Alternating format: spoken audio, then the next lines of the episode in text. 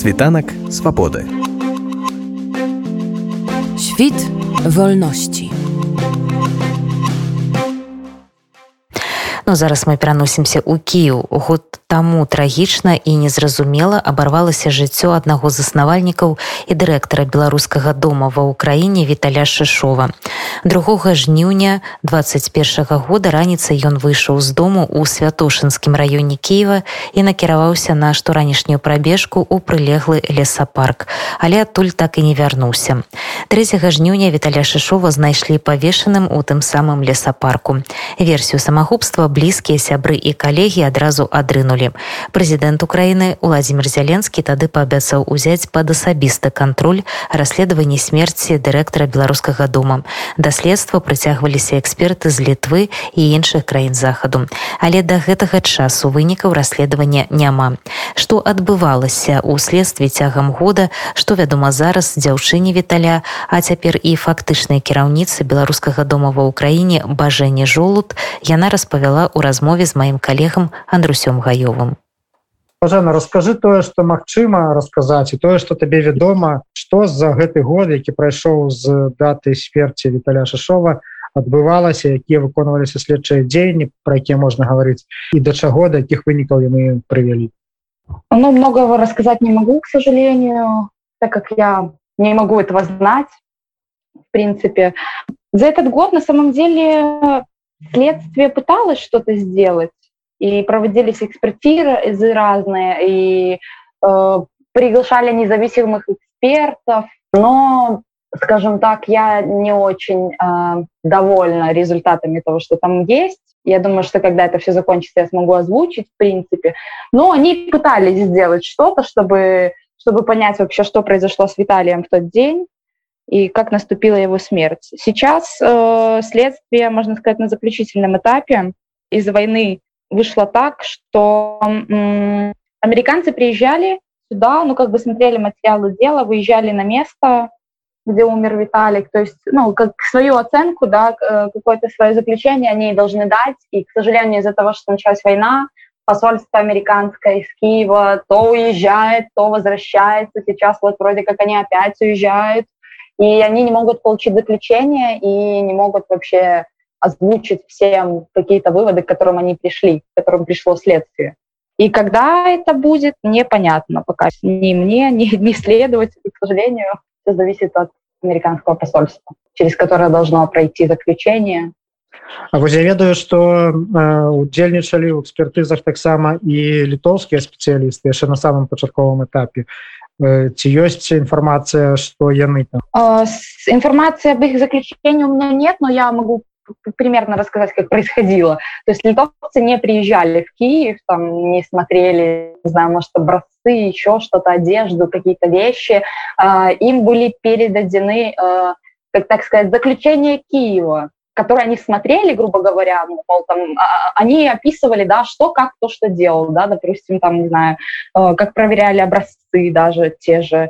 И вот это все описанное они передавали литовцам, и они как бы смотрели на момент того, что, что да, мы тоже работаем по таким методикам, и мы, получается, исходя из того, что вот есть, мы бы сделали такое же заключение, грубо говоря, как э, следствие в Киеве. Было это в таком формате. Но какое там заключение и что, понятное дело, я не знаю, знать этого не могу. Все мы памятаем, что довольно долгий час э, тело Виталя не отдавали для захавання. Чым гэта тлумачыцца ці вядома зараз ці можна гэта агучыць чаму была такая затрымка з выдачай тела по словам следствия они ждали заключения судмедэксперта из-за которого как бы по сути они не могли отдать тело но у меня другая версия этого даже подкрепленная какими-то фактами э, которую я озвучу наверное в конце всего этого в конце того, когда дело закроет, когда следствие выскажет свою точку зрения, я выскажу свою точку зрения. И не хочу, чтобы это были, были просто слова. Вот так скажу Наколькі следства кантактуе персанальна з табой, Магчыма, з родзічамі іншымі, якія ёсць у Беларусі ці яшчэ недзе. Наколькі праводзіліся нейкія следчыя дзеянні, якіх удзельнічала ты і іншыя блізкія віталя і наколькі вас потым інфармавалі пра вынікі того што адбываецца Ну, в последнее время, вот начиная с Нового года, по сути, со мной не контактировал следователь, ну, понятно, что с Нового года до весны, до начала военных действий он не контактировал, а потом просто у него как бы не было возможности, потому что мы все понимаем, что ему было не до этой работы, так как в стране началась война.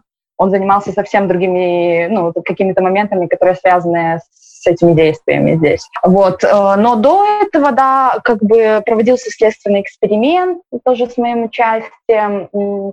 Три раза, по-моему, меня опрашивали, какие-то, ну, то есть брали какие-то, не знаю, там, психологические, как это правильно сказать, составление психологического моего портрета, там, Виталия, близких, э, я точно не могу сказать, но я знаю, что, понятно, что родственников, которые в Беларуси опрашивали как-то, но это не было много раз, потому что, ну, не имеет смысла, да, они не здесь, нельзя на человека посмотреть в момент, когда он отвечает, грубо говоря, да, по его там выражению лица, по какой-то физиологии его, правда он отвечает или нет, но был такой стра- странный очень случай, что мою маму уже, наверное, это было до Нового года, вызывали э, в наше реческое РОВД якобы по запросу Украины, э, что Украина попросила опросить мою маму.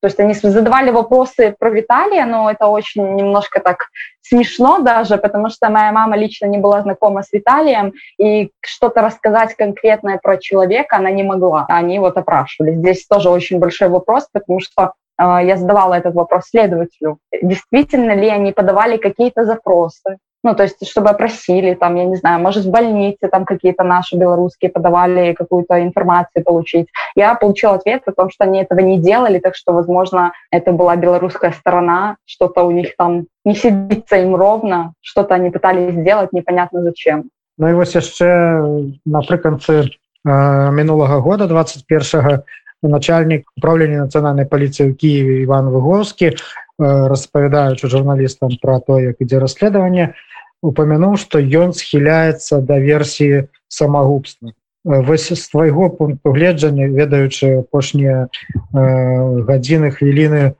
жыцця Віталя тое як ён тебе паводзіў да таго ці магчыма было самагубства Віталя ці магчыма гэта версія ўвогуле ці, ці давяраеш ты гэтай версіі Этой версии я не доверяю, я уже много раз это говорила и изначально рассказывала, что этого просто не могло произойти, в принципе, потому что э, по поведению его, да, ничего на это, ну, не было даже какого-то намека, человек себя вел как всегда, и это не только, на мой взгляд, да, э, такое мнение. До этого у Виталия был день рождения, мы встречались с нашими друзьями совсем недавно, вот до этого дня, на тот момент. То есть, ну, отмечали, там, жарили, жарили шашлыки, и люди как бы видели по Виталию, что э, он ведет себя как обычно, ну, то есть э, по человеку незаметно, не знаю, там, депрессия или что-то еще, что у него что-то такое было. Э, и то, что это было самоубийство, я не думаю, потому что, в принципе, э, даже друзья Виталия, которые находятся в Беларуси,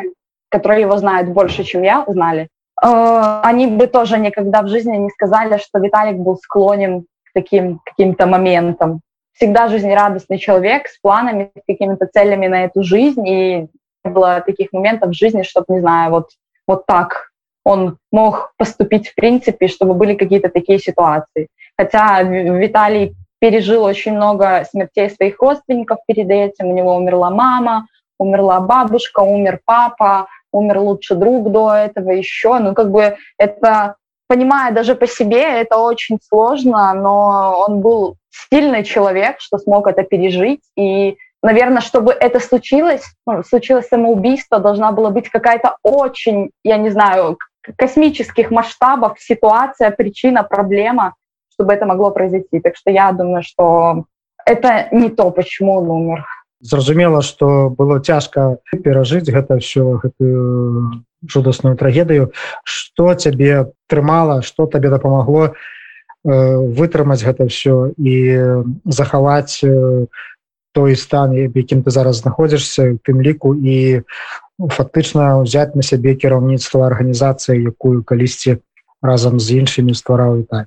Ну, во-первых, силы передавали люди, которые находились изначально рядом со мной, потому что можно так сказать, белорусы не оставили в беде, да, очень много психологической поддержки я получила и физической какой-то, знаете, первые моменты. Жутко, допустим, оставаться одной в квартире, в которой вы жили. Всегда со мной кто-то находился, всегда меня поддерживали. А то, что я как бы продолжаю делать его дело, это просто как бы я не могу опустить руки чтобы все вот так закончилось его смертью, то, ради чего он как бы ну, здесь жил, он старался, он э, хотел помогать белорусам, он хотел, чтобы режим Лукашенко как бы ответил за свои дела, в принципе, за насилие над своим народом, за обман, который длится не первый год, и просто чтобы я там, не знаю, испугалась с его смертью и перестала этого делать, ну нет. Ну, как бы, мне кажется, год до этого было прожито очень много, что показало, что бояться там нечего, и нужно брать свои руки и доводить все до конца, и работать, работать, работать. И мы обязательно придем к тому, что мы все сможем вернуться домой.